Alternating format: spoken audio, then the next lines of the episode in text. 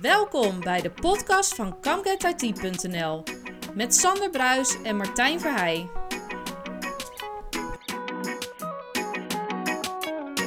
Aflevering 25 alweer van de ComGet IT podcast met eh, een organisatieadviseur als gast. Ja. Zijn wij nog advies nodig, Sander? Nou, ik zou bijna zeggen, ik zat daar eigenlijk op te wachten. Oké. Nou, ja, hij profileert zichzelf van, ja, als hij er is geweest, dan heeft iedereen energie. Nou, dat gaan we aan het einde van deze podcast merken. Ja. Het schijnt een uitspraak van een klant te zijn van hem, dus we zijn benieuwd. Ja. Eh, hij vond het niet een groot compliment, maar eh, ja, hij denkt dat het, eh, dat het volgens hem ook wel wat meer betekent. Hij neemt geen genoegen met half werk en ja, hij neemt geen genoegen met verbindingsloze situaties. Hij doet het graag goed en eh, ook zonder capsones. Nou, dat gaan we natuurlijk allemaal even testen. Precies. En misschien aardig om te vertellen dat dit de laatste aflevering van dit jaar is met een reguliere gast. Waar we dus, nou ja, zou bijna kunnen zeggen, traditiegetrouw. Want vorig jaar was de eerste keer, maar die traditie zetten we gewoon voort. Weer terugblikken op het afgelopen jaar, wat nou ja, om, om meerdere redenen tumultueus is geweest. We hadden dikke plannen, daar is allemaal niks van terechtgekomen, maar daar gaan we het nu niet over hebben. Maar Joost Helbo, Ja. dat is onze gast. Welkom. Joost. Hallo. Ja, Ja, hallo.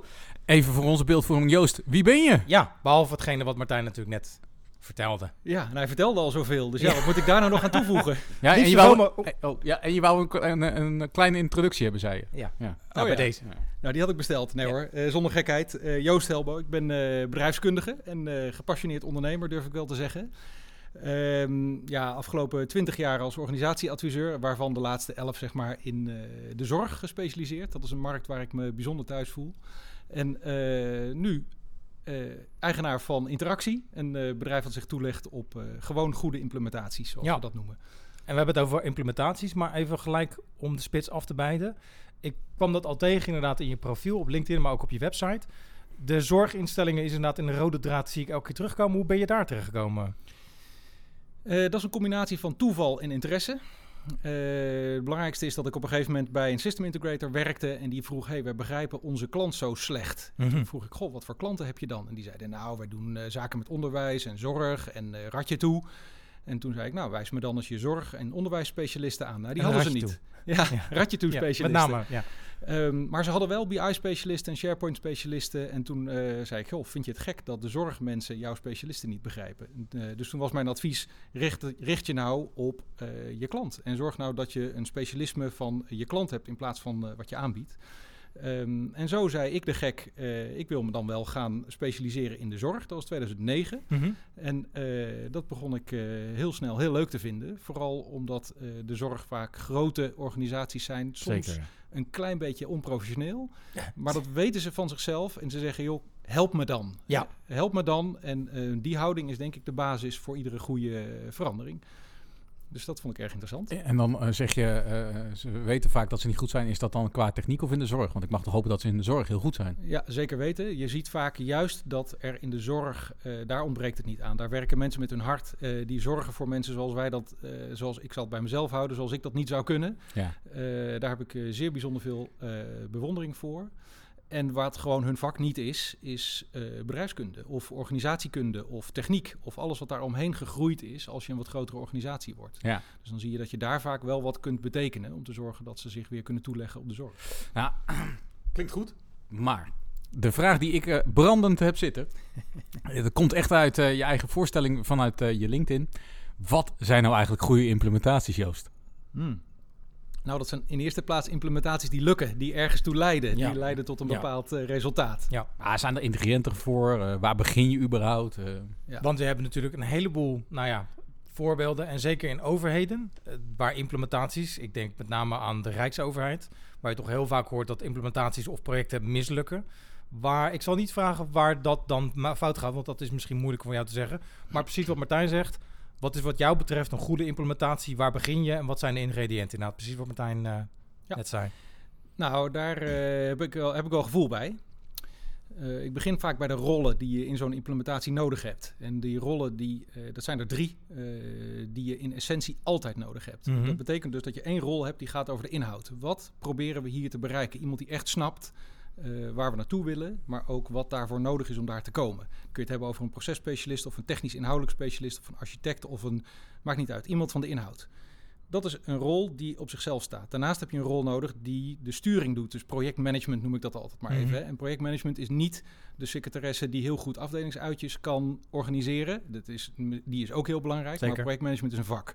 Dus zorg nou dat je een projectmanager erop zet die echt snapt hoe je een project managt. En de derde rol die je te alle tijden nodig hebt in mijn optiek is wat ik dan wel eens veranderkunde noem. Mhm. Eh, dat is volgens mij waar de magie zit van een gelukte implementatie. Nou, wat dan veranderkunde precies is, daar komen we wellicht nog even op terug. Eh, maar dit zijn basisingrediënten die er altijd zouden moeten zijn. En de andere vraag die je stelde was, maar waar begin je dan? Ja.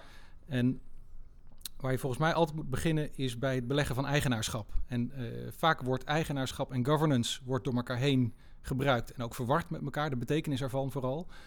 Ehm, governance is niets meer of minder dan het juist beleggen van eigenaarschap. Mhm. En zorgen dat de mensen die eigenaarschap zouden moeten hebben of die eigenaarschap voelen, de juiste beslissingen nemen. Mhm. Nou, dat is een startpunt. Het beleggen van eigenaarschap, zorgen dat er besluiten genomen kunnen worden.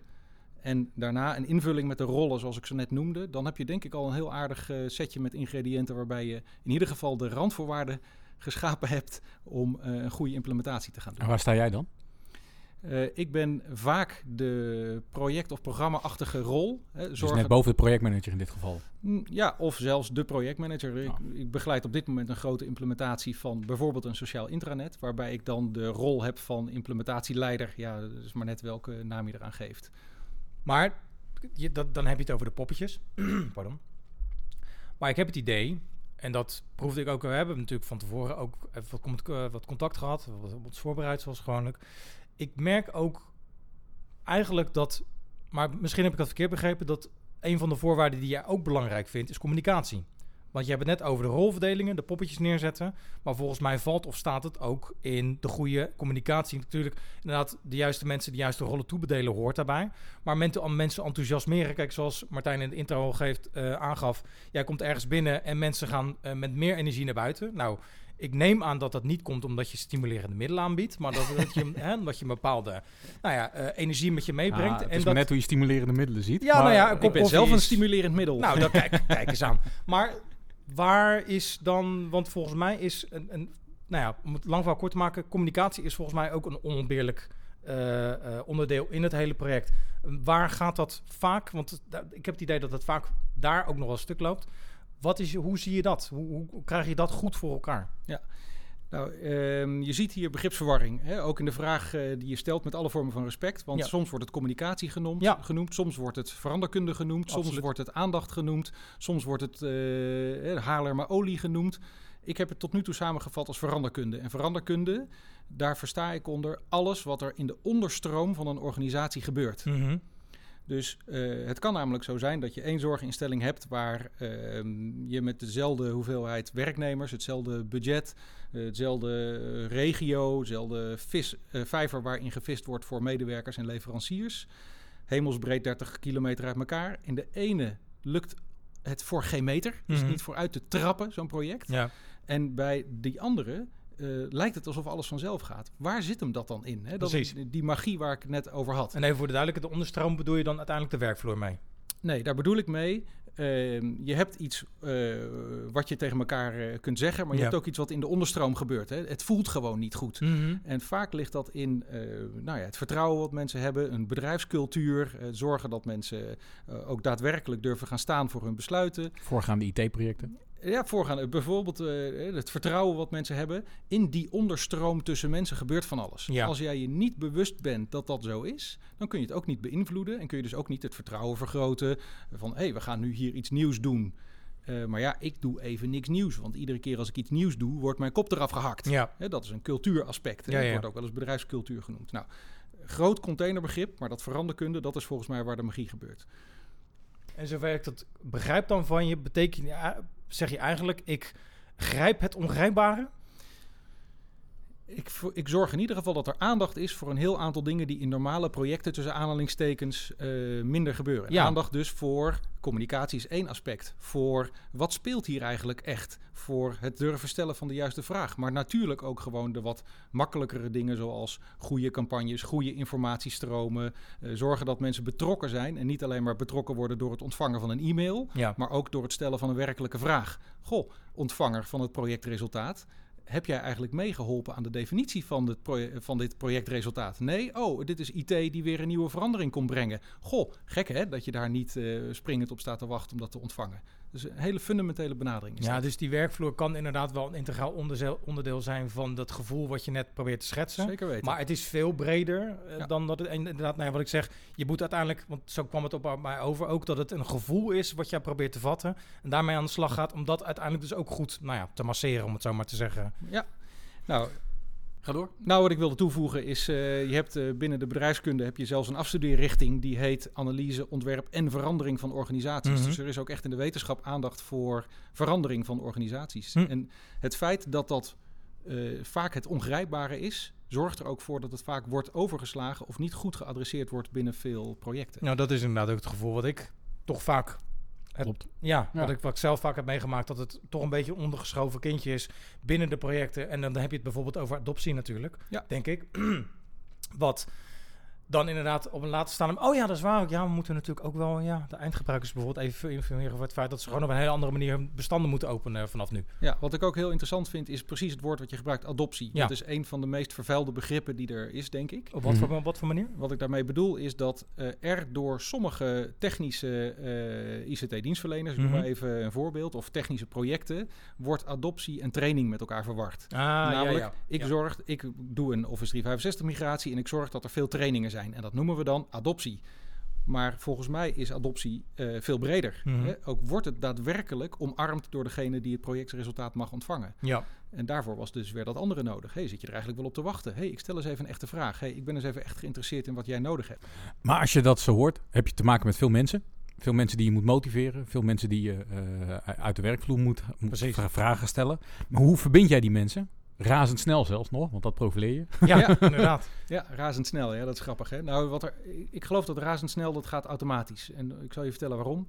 Ehm, dit heeft alles te maken met wat ik dan noem de kwaliteit van aanwezigheid. Als jij echt helemaal in een gesprek zit, dan voelen mensen dat. Als jij ergens ondertussen eh, bezig bent met dat wat je morgen nog moet doen, of wat je die mail die je net gekregen hebt, of eh, het resultaat wat je eigenlijk probeert te halen uit een meeting, dan ben je anders aanwezig dan dat je werkelijk aan het luisteren bent naar wat diegene nou eigenlijk zegt. Hm. En eh, dat is iets waar ik, ik denk over de loop van de jaren of in geoefend geraakt ben, maar in ieder geval die kwaliteit van aanwezigheid is iets waardoor mensen zich op hun gemak voelen. En dus is het ook makkelijk als mensen zich op hun gemak voelen om een vertrouwens Persoon, eh, een relatie op te bouwen. ja, een vertrouwensrelatie op te bouwen. En dan is de klik gauw gemaakt. En dat bedoel ik met snel verbinden. Ik zorg altijd dat ik ergens helemaal ben, zodat je snel eh, met mensen kunt verbinden. En dan, ja, dat gaat ook vaak gemakkelijk. Een goed luisterend oor. Nou, wellicht. Ja. Maar dat is dus, want verandering is vaak een mindset. is dat dan de manier waarop je mensen op dezelfde golflengte krijgt? Of hè, ik kan me ook voorstellen dat je natuurlijk wel eens eh, met weerstand te maken hebt. Dat, dat zal ongetwijfeld gebeurd zijn. Maar heb je dan een bepaalde nou, trucendoos die je opent op dat moment? Of is het gewoon één bepaalde standaard nou ja, manier van werken die eigenlijk altijd werkt? Of is het gewoon je bent goed in communicatief, je bent communicatief goedvaardig, dat blijkt ook. Maar en, en is dat de sleutel? Ja, als iets klem loopt, dan loopt het niet altijd om dezelfde reden klem. Nee, duidelijk. En eh, het is dus heel erg situatieafhankelijk waarom iets klem loopt. Of waarom er weerstand is. Want weerstand is niks anders dan eh, iets dat klem loopt. Ja. Iets dat of niet goed eh, voorbereid is, of niet goed gecommuniceerd is, of iets waar mensen niet op zitten te wachten, of een ontbrekend plan, of een ontbrekend eh, competentieniveau aan de kant van de ontvanger. Hè. Het, het is iedere keer anders wat er niet loopt. Ja. Dus wat ik altijd doe aan het begin, is ik zorg dat ik weet hoe lopen hier de hazen. En als ik bijvoorbeeld een opdracht krijg om een ICT-strategie te maken, en ik probeer dat te baseren op een organisatiestrategie, maar de organisatiestrategie ontbreekt, Mhm. dan kan ik maken wat ik wil, maar dan is het nergens op gebaseerd. Dus Nee. dan probeer ik altijd de opdracht om te buigen naar daar waar het niet goed zit in mijn Mhm. analyse. Eh, een ander voorbeeld is een MT dat volstrekt niet op elkaar is ingespeeld, waar ze elkaar een slangenkuil eh, vechten elkaar de tent uit. Oh, en, die, en, ja, en die worden dan verwacht om met elkaar een goed project te draaien. Ja, forget it. Want die zijn er. Die zijn er Ja, zonder meer. ja. Hè? Dus wat ik altijd probeer te doen in zo'n situatie is de opdracht omdraaien, ombuigen naar eh, oplossen wat er werkelijk eerst opgelost moet worden. Ja. Bijvoorbeeld eh, zorgen dat het eigenaarschap binnen dat MT, dat iedereen akkoord is hoe dat belegd is. Ja, ja. Want pas dan kun je besluitvaardigheid verwachten en pas dan kun je zorgen dat je eh, een fatsoenlijke implementatie runt of een goed project draait.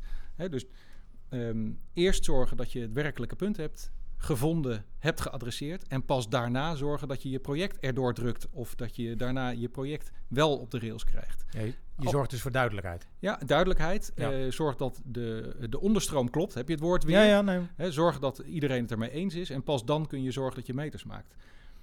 Als je dat niet doet, of als mij eh, niet wordt toegestaan om te repareren wat er eerst te repareren is, dan ga ik mijzelf echt wel afvragen of ik de opdracht wil en of ik deze klant wil.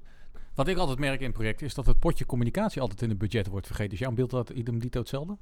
Want communicatie is van mega groot belang. Want Ja. Dat wordt echt altijd onderschat, want het project wordt aangeschat als een technisch project, dus het komt allemaal wel goed. Maar eh, het potje communicatie is altijd een van de grootste budgetposten die eh, eh, ontbreken en eh, waar je ook gigantisch op leeg loopt. Maar Nou ja, wat ik, wat ik wel herken is dat. we kwamen er net ook al achter, hè? adoptie Ja. of veranderkunde Ja. of communicatie. Wat is dat dan eigenlijk precies? Dus het is mijn analyse dat omdat het niet zo grijpbaar is, dat het dan ook niet zo makkelijk gebudgeteerd wordt. Dat vinden we een beetje moeilijk, daar blijven we een beetje van weg. Ja, Ja. ja. En eh, dus dat laten we dat dan maar even ja, of zien hoe dat dan komt. Of we noemen het training en dan snappen we het wel en dan doen we er wel een beetje budget voor. Hè? Dus ik- dat is mijn analyse waarom dat vaak in budgetten niet wordt meegenomen. Maar laat me je een voorbeeld vertellen van ook twee eh, migraties naar een ICT-dienstverlener van best wel grote organisaties. Die eh, hadden een ICT-dienstverlener geselecteerd en ze stonden op het punt om de migratie naar die ICT-dienstverlener te gaan eh, volbrengen. En de ene organisatie had 12.000 euro voor eh, de hele adoptie in het budget meegenomen. Mhm. De andere had 100.000 euro meegenomen in het budget om te zorgen dat ze wisten nog niet precies waarvoor, maar er zal wel wat te overwinnen zijn op het gebied van veranderkunde. Dus laten we maar een potje ervoor opnemen. Nou, ik denk dat je kunt raden waar het wel goed ging en waar het niet goed Hmm. ging. Ik heb een vage vermoeding, ja. Ja. maar is het dan, als, het, eh, als we dat als startpunt gebruiken... Hè, wij zijn techneuten, wij hebben de nodige trainingen gevolgd. Dat is allemaal op de techniek. Dat is hartstikke mooi. Daar heb ik heel veel van geleerd. Heb ik ook goed kunnen nou, ja, implementeren in mijn eh, dagelijkse werkzaamheden. Wat daar niet naar voren komt, is het stukje communicatieve vaardigheden. Nou, ze heb ik het niet om specifiek over Microsoft. Daar heb ik het in ieder geval, met name de training die ik gevolgd heb. Maar ik, volgens, ik heb het idee dat communicatieve vaardigheden, of, terwijl dat volgens mij steeds belangrijker wordt, ook binnen IT en ook als techneut zijnde. Denk je dat het, nou ja, ik, als ik jou de vraag stel, vind je dat het erbij hoort, dan denk ik dat je antwoord ja is. Maar eh, denk je dat dat ook binnen afzienbare tijd, gezien het feit dat die ontwikkeling ook zo hard is gegaan de afgelopen decennium, zeker decennia, dat het op een gegeven moment ook een integraal onderdeel wordt van dat soort trainingen bijvoorbeeld? Of blijft dat altijd een ondergeschoven kindje, denk je? Eh, nou, er zijn een heel aantal antwoorden op mogelijk, maar een van de dingen die ik nu in ieder geval zou willen zeggen is: Ja. je kunt een kat niet leren blaffen. Nee. En dit is waarom ik aan het begin begon over die specifieke rollen. Ik denk dat je de techneuten, als ik, het is natuurlijk verschrikkelijk om dit soort generaliserende uitspraken te Ja, doen, maar goed. Maar die zitten vaak in de inhoudsrol. Die Ja. moeten vooral heel goed begrijpen wat hier nou eigenlijk nodig is. En die moeten heel goed, weet ik veel, configuratiewerk kunnen aansturen of uitvoeren of zorgen dat het juiste gebeurt. Ja. Eh, het is niet voor niks dat ik de derde rol, zijnde die veranderkundige, eh, een plek zou willen geven binnen, eh, binnen zo'n implementatie. Ja. Eh, als je in een technische training ook de veranderkundige kant zou proberen aan te leren, denk ik dat je een moeilijke tijd hebt. En ik weet ook niet of dat precies de juiste plek is waar je het zou moeten beleggen. Nee, dat snap ik. Wat ik wel vind, is dat je in iedere training die gaat over verandering, of iedere opleiding die gaat over verandering, dat daar aandacht voor de onderstroom, tussen aanhalingstekens, een rol zou moeten krijgen. Want gewoon maar veranderen in instrumentele zin is niet voldoende. Er is nog meer wat wij moeilijk vinden om te grijpen. Dus in die zin vind ik dat dat een onderdeel, je noemde het net communicatie, maar Ja. aandacht voor de onderstroom, of Ja. hoe je het noemen wilt, Precies. zou een onderdeel moeten zijn van iedere veranderkundige training. Die gaat over het beïnvloeden van eh, eh, organisaties en het begeleiden van veranderingen. Ja. In technische trainingen zou ik het goed vinden als daar aandacht voor is. Maar Ja. ik geloof niet dat je een techneut moet proberen de rol van de veranderkundige te laten spelen. Nee, het is maar... ook natuurlijk een deel soft skills en de hard skills die je Exact. hebt. Hè? En Dat de soft precies. skills kan communicatie zijn. En daar zijn nou separate trainingen voor. Ja. En daar zou je in principe, zou ik zeggen, dan moet je niet de techniek heel hard voor gaan gebruiken. Maar Nee, maar kijk, je hebt natuurlijk alle, dingen zijn op een gegeven moment wel een beetje geniveleerd of in elkaar geschoven in de afgelopen decennia. Waar dat, hè, we hebben natuurlijk allemaal nog wat klassieke eh, beeld van de techneut of dan de IT'er van 30, 40 jaar geleden die COBOL aan het proberen, eh, eh, programmeren was, zo'n baard had en voor de rest alleen maar autistisch naar, voor zich uit kon, ben je kan nou kijken. aan het... Ik, ik chargeer en niet naar jou toe, gelukkig. Ehm, en, maar dat is ook wel veranderd. Waar het tegenwoordig toch wel belangrijk is dat je ook met de business kan communiceren. En daar zitten af en toe inderdaad mensen tussen, projectleiders, verandermanagers, noem het maar op. Maar ik merk wel, gewoon als ik naar mezelf kijk, dat het heel prettig dat mensen het prettig vinden dat ze gewoon een gesprek met me kunnen voeren. En ja, dat, dan noem ik mezelf even als voorbeeld. Martijn is daar ook een, een heel goed voorbeeld van. Ehm, dus daar, vandaar mijn vraag dat het... Nou ja, goed, ik kan me voorstellen dat inderdaad als je het op de techniek wil uh, toespitsen... dat het lastig is om dat te, de bij te, hoe zeg je dat, toe te voegen. Maar en dat kwam in de vorige podcast ook al naar voren, en daar hebben we het ook al over gehad. Luister naar die eindgebruiker, op zijn minst. En wat gebeurt er inderdaad? Ja, je moet op zijn minst begrijpen hoe de, ja, hoe de hazen lopen. Precies. hè? Dus je moet uh, communicatiefvaardig, natuurlijk. Hè? Dat is voor iedereen belangrijk, denk ik. Uh, en je moet ook snappen wat dan de rol is van zo'n veranderkundige. Ja. daarvoor heb je al een bepaald basisbegrip nodig binnen jouw eh, technische skills. Van, ja. Oh, wacht eens even. Dit is het stukje waar mijn technische skills uh, niet meer alleen maar noodzakelijk zijn, maar dat er andere skills noodzakelijk zijn. Daar heb ik er zelf een paar van. Maar als ik wil dat het echt goed gebeurt, moet ik toch even Pietje of Marietje vragen. als je dat, dat is het basisbegrip wat je wel degelijk ook als techneut zou kunnen, maar eigenlijk ook zou moeten hebben, ja. vind ik. Nou, dat vind ik ook inderdaad, ja. Ja, en hoe kom je tot een kern van een probleem om uiteindelijk een uh, goed advies te geven tot de klant? Want je begint ergens en... Uh...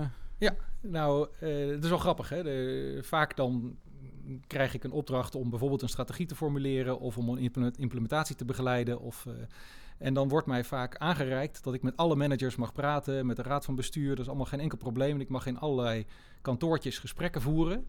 En uh, dat doe ik ook altijd. En ik begin natuurlijk ook altijd met vragen stellen en met, goh, hoe, ja, hoe werkt het hier eigenlijk echt? Maar wat ik ook altijd doe, is ik wil het zelf voelen. Ik wil zelf ervaren hoe hun primaire proces in elkaar zit. Uh, dat kun je namelijk niet uitleggen aan iemand. Dus wat ik uh, doe, dan zeg ik je niet, uh, dan trek ik mijn t-shirt en mijn spijkerbroek aan. Dan zeg ik, hallo, ik ben Joost en ik kom helpen. Ja. En dan vraag ik om een praktijkstage. Dus dan ga ik bijvoorbeeld mensen wassen op de afdeling somatiek. Hm. Of ik ga uh, medicatierondes meelopen met de mensen die dat dan mogen toedienen. Of ik ga lunch koken in een klein, kleinschalig woongelegenheid. Waarom? Uh, ten eerste, ik ben een redelijk uh, jolig persoon, dus dat vind ik hartstikke leuk. Mm -hmm. Je hebt mhm. heel gauw contact met die bewoners en je kan een beetje gek doen met elkaar. Maar wat je eigenlijk aan het doen bent, is je bent aan het luisteren. Wat wordt hier bij het koffiezetautomaat gezegd? Ja. Wat wordt hier tegen elkaar onderling gezegd? Als ze gewoon aan het werk zijn, er is geen manager bij, er is geen, offi geen official bij. Ik vind het altijd waanzinnig hoe open en toegankelijk mensen zijn en ook toestaan wat je allemaal meekrijgt. En zo kan ik me één grappig uh, akkefietje herinneren van een zorggroep waar ik was. En daar werd ik, uh, uh, liep ik mee op de gangen. En op het koffiemoment werd ik voorgesteld als: Hallo, dit is Joost van ICT. en ik dacht: Oh jee, ik ben helemaal niet van ICT, maar dat maakte even niet nee, uit. precies. En in koor riepen die dames: Oh, eindelijk komen ze eens uit dat hok. Nou, ik zal je vertellen. En ze hadden net allemaal een uh, Surface Pro 4 gekregen, want dat vond de IT-afdeling heel gaaf om dat uit te reiken aan Precies, iedereen. Daar kon niemand wat mee, want het waren veel te complexe apparaten. En die mevrouwen, die zeiden tegen mij, kom maar eens bij die balkons kijken hier. Ze liggen allemaal uit het raam. Wat een rotdingen. Ja, ja, ja, ja, ja. Dat voel je pas tot in je tenen als je daar zelf hebt gestaan. Als je dat moet horen van een manager, ja, ze zijn er niet zo tevreden mee. Voelt toch anders. Ja, absoluut. Trouwens, vonden mensen het gek als je dat vroeg om mee te lopen inderdaad met, uh, nou ja, wat je net de voorbeelden die je gaf? Er wordt heel wisselend op gereageerd. Als dit niet wordt toegestaan door een klant, is dat voor mij ook al een signaal. Hè? Ja, ja, ja. Ik werk altijd met rode en groene vlaggen in mijn ja, hoofd. Ja, ja. Hè, op het moment dat ik dat soort dingen niet mag, is voor mij een rode vlag. Denk, hey, en ook een no-go voor jezelf, dat je zegt van, nou, dan hoeft het voor mij ook niet. Als dat het enige is, misschien niet. Maar Nee, als er een aantal van die dingen, dan zou dat een no-go kunnen worden. En Ja. Het is voor mij een groene vlag als ze zeggen, natuurlijk, wij begrijpen dat jij het primaire proces moet zien. Ja. Nou, op het moment dat je dat doet, dan krijg je zo snel zoveel gevoel bij hun eigen primaire proces, dat ik soms in de MT-kamer nog de voorbeelden sta uit te leggen die sommige MT-leden al niet meer weten van hun eigen organisatie. Mhm. En dan maak je een advies wat echt past. Een advies waarin de medewerker zich ook zal herkennen. Van, oh ja, ja, dit is inderdaad, oh, dat was die, die gekkerd die hier was en die nu eindelijk iets... eh, Dus bij die instellingen zijn eh, niet lang daarna heel veel goedkope Surface Pro's eh, te koop aangeboden. Nou, die liggen over het balkon. ja. die lagen in het gras en ik weet niet of ze daar zo goed tegen kunnen.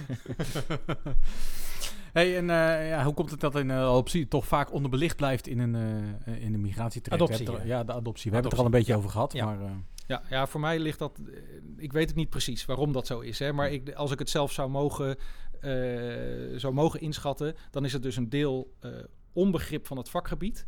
eh, onderschatting van de meerwaarde ervan.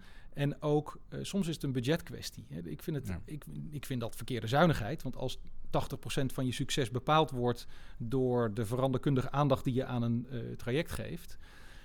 Waarom zou je er dan op bezuinigen, zou je bijna zeggen. Hè? Maar toch doordat het ongrijpbaar is eh, en mensen vaak toch in een verkeerde zuinigheid zitten. Poeh, ik heb al zoveel aan de technologie uitgegeven. Moet ik nou ook nog een ton voor eh, iets wat ik niet helemaal begrijp uitgeven? Ja. Ik denk dat het daarin zit. Maar Ja. kan, je, kan je daar eens een specifiek, kan je eens een, nou, in ieder geval van een succesvolle adoptie, waar dat wel eh, gewoon goed werd begrepen, kan je daar een goed voor, een voorbeeld van geven waar dat echt uit bleek? Ja, dat is eigenlijk het stukje wat ik net ook noemde tussen die twee verschillende zorginstellingen. Die de ene 12.000, de andere 100.000. Ja. Wat je daarvan zag, is dat er ehm, iemand van de business ook opstond en zei... wacht eens even, welke trein komt hier eigenlijk op me af? Precies. Ja. En als ik dus echt verantwoordelijk ben voor het ontvangen van het projectresultaat. Hè, dus dit was iemand, directeur, een zorgdirecteur was dat, die heel goed snapte dat hij verantwoordelijk was, zij in dit geval, voor het ontvangen van het projectresultaat en voor de uitrol ervan. Ja. Dat is IT helemaal niet. Nee. Dat, is, dat was zij zelf. Toen zei ze, ja, maar daar wil ik dus ook echt wel een beetje hulp bij hebben.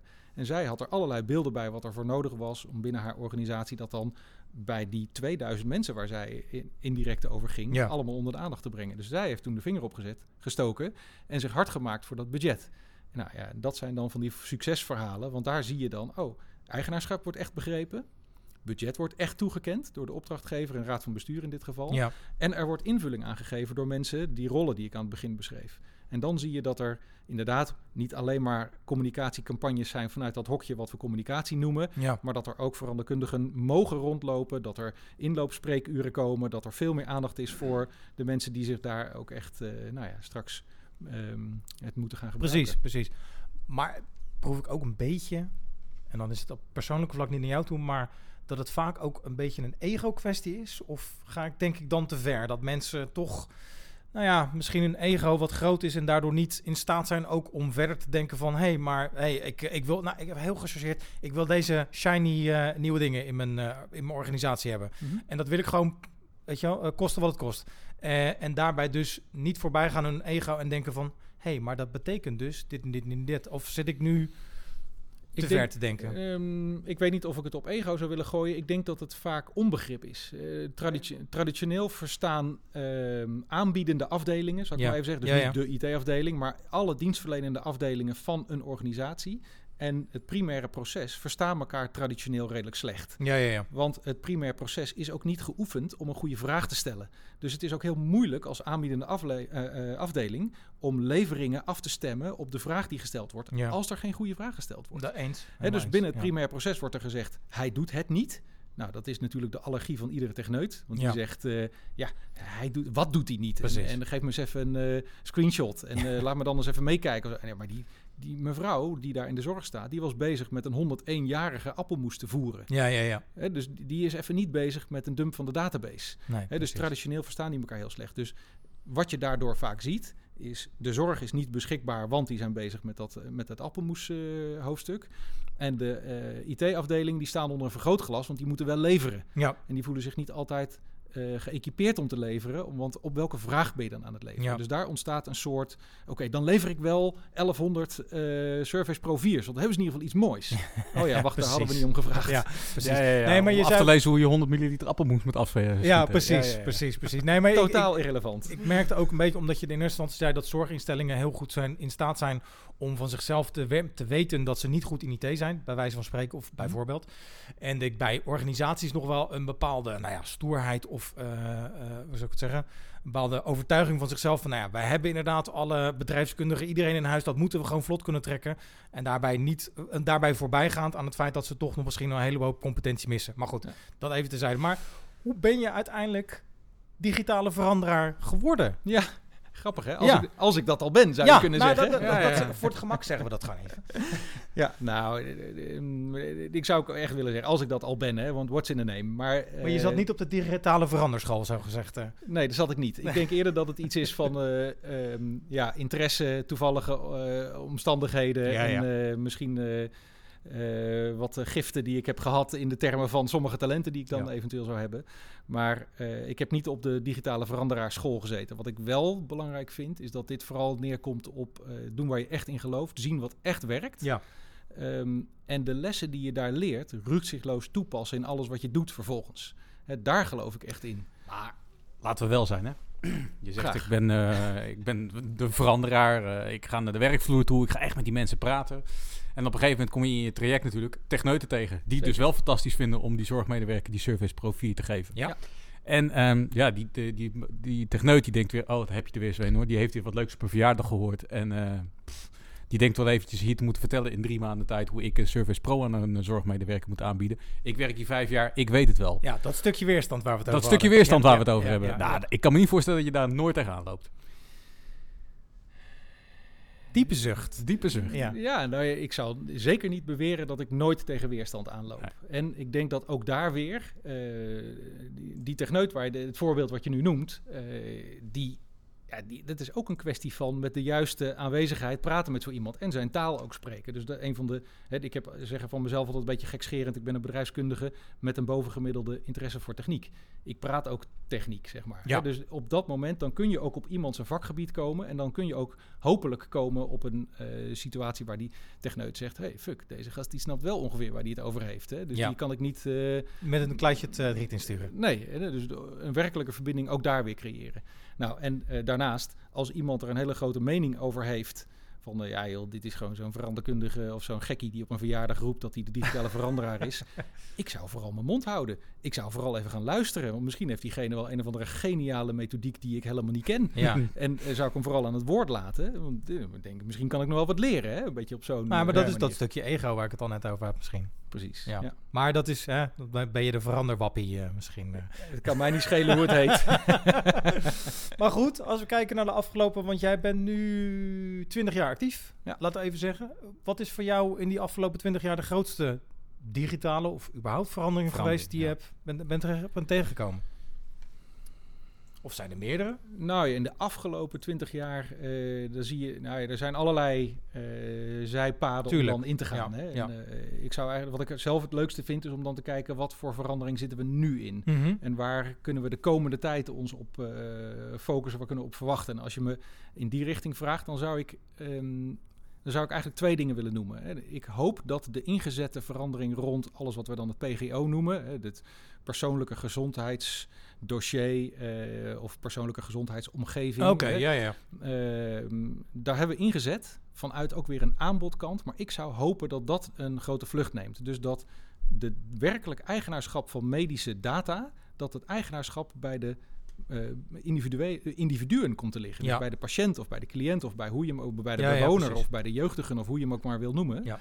En dat wij als zorgverlenende instanties, waar er rond sommige eh, personen, zal ik maar even zeggen, zijn tien of twaalf instanties actief die volstrekt geen bal weten van elkaar wat ze doen.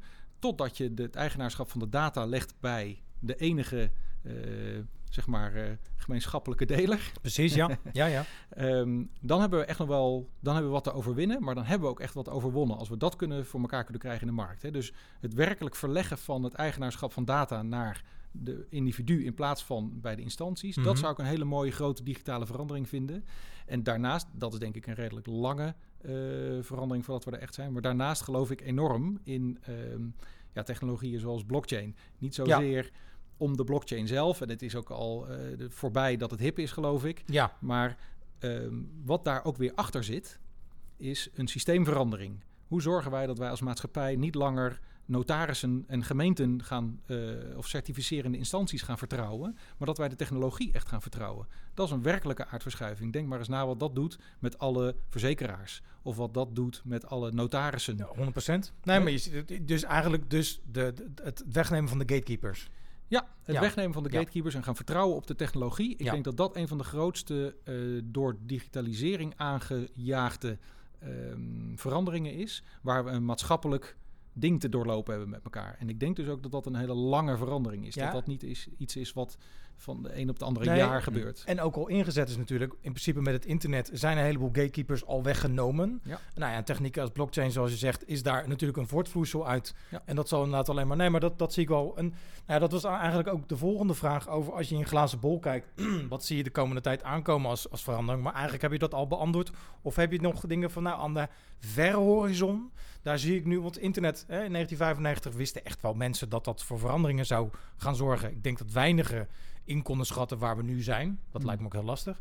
Maar ik kan me wel voorstellen dat er toen inderdaad al een stip aan de horizon zichtbaar was. Maar als we kijken naar blockchain of überhaupt digitale verandering, zijn er nog wel dingen inderdaad in de verre toekomst die zeggen van, hè, ik noem maar wat. eh, we hebben het een keer eens over zorgrobots gehad bijvoorbeeld. We hebben het over eh, nou ja, de verschillende manieren waarop je op een gegeven moment zorg en ook digitale verandering kan aanbieden aan een eindgebruiker of aan inderdaad een, een medisch cliënt.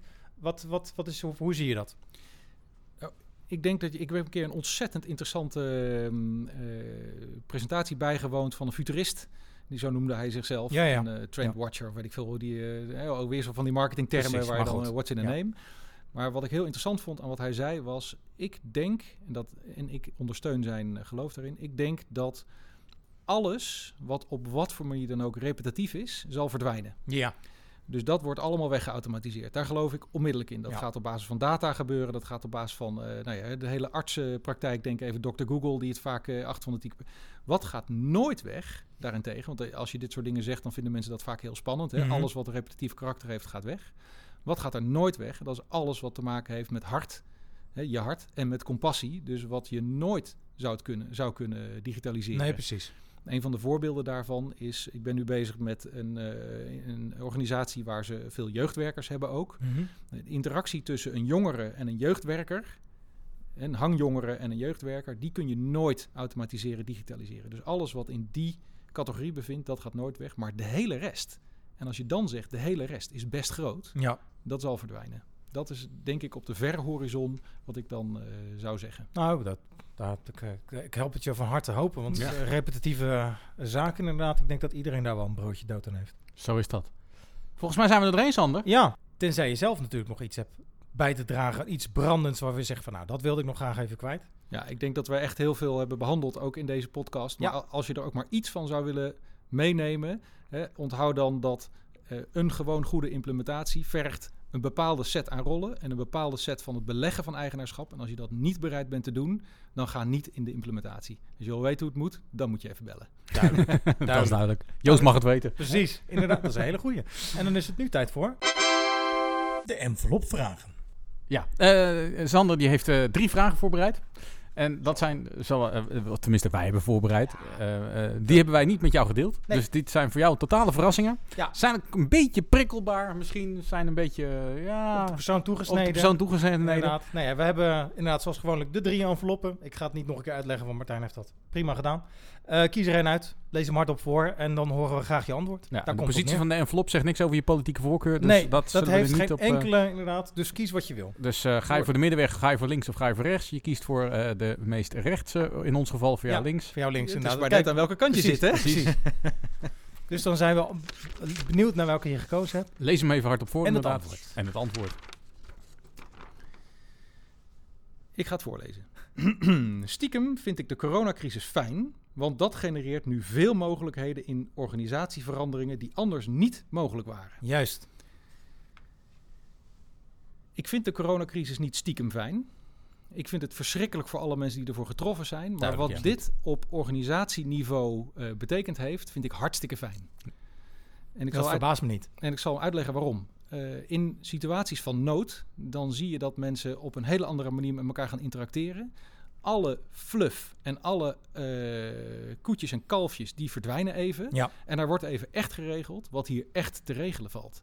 En daar ontstaat zo'n ongenadig, ongekend grote eh, saamhorigheid van binnen die organisaties. Ik denk nu even aan een situatie waarbij een, een huis, een zorginstelling, zeg maar, met negen verdiepingen, daar waren coronabesmettingen. Iedereen was bang.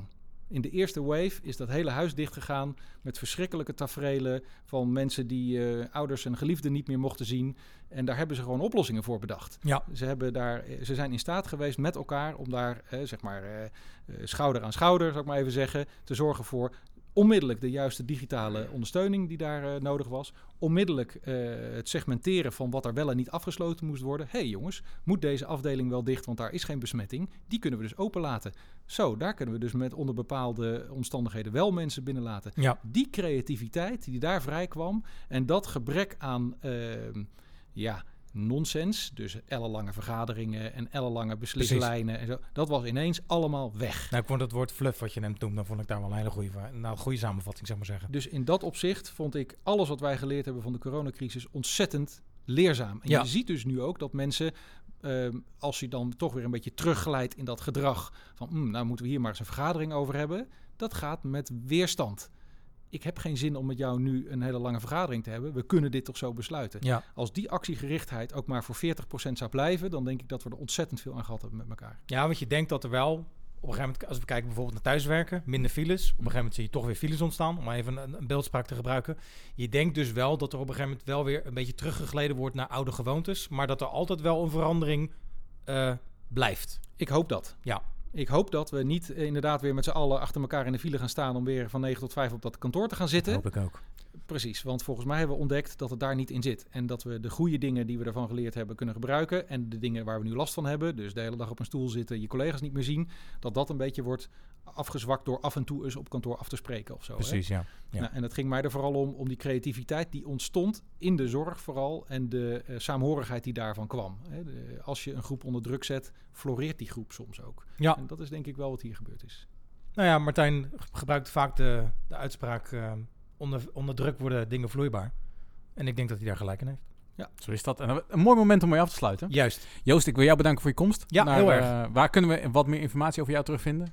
Beetje spoon, een beetje reclame. Ja, je, Gewoon kunt, je kunt sowieso eh, interactie.nl, en dat schrijf ik natuurlijk een beetje op een gekke manier. Ik heb het interactie genoemd omdat alles gebeurt in de interactie. Hè. Het is niet ik die iets moois kon brengen, maar het is ook degene aan de andere kant van de tafel die met jou moet willen interacteren. Dus interactie met AXI aan het eind.nl, daar vind je van alles over. En, Gewoon goede implementaties. En gewoon natuurlijk ook via de socials, neem ik aan. Ja hoor, LinkedIn, geen probleem. Dus Kijk, kijk, kijk, kijk. Dus Joost is vindbaar. Yes. Ehm, en eh, ja, ik wil jou bedanken als luisteraar voor het luisteren van dit programma. Sander, ik wil jou ook weer bedanken. ik wil jou ook bedanken. Nou, geen dank. Dat is altijd heel goed. Ik wil jou als luisteraar zeker bedanken. Maar ik wil je als luisteraar ook wat vragen. Want eh, wij eh, doen deze aflevering al 25 keer. Maken wij een podcast-opname regulier. Eh nader het eind van het jaar. Dus er komt weer een hele leuke uitzending aan. Kan Ja. ik je vertellen. Mocht je die al eh, kunnen luisteren, dan eh, zou ik dat zeker doen. Mocht je deze aflevering wat later afluisteren, eh, zou ik het zeker doen. Maar eh, ja, jouw input is hartstikke welkom. Want wij willen deze podcast, ondanks dat we al steeds meer ervaring opbouwen, nog beter maken. Ja. Ehm, en daar eh, hebben we gewoon een like, een reactie of eh, gewoon een, eh, een, ja, een reactie voor nodig. Ja, Dus deel je reactie via onze website comgetit.nl. Doe dat via de App Store van Apple als je daar je podcast in luistert waar we in terug te vinden zijn. Zouden we tof vinden, zouden we gaaf vinden. En wie weet nou, nodigen we je uit voor de volgende aflevering. ja zeker. Ik bedoel, in, in dat geval zeker. Zaag ons af bij onze enkels, maar doe het wel met goede argumenten. Of argumenten. En dan ben je misschien, misschien wel de gast in de volgende uitzending. Ik zou zeggen bedankt voor het luisteren en eh, tot de volgende. Ciao! Tot de volgende. Bedankt voor het luisteren naar de podcast van ComeGetIT.nl. Wil je meer weten? Heb je vragen, suggesties of opmerkingen? Bezoek dan onze website www.comegetit.nl. If you want some, baby, come and get it. If you need some, baby, come and get it. If you want some, baby, come and get it. If you need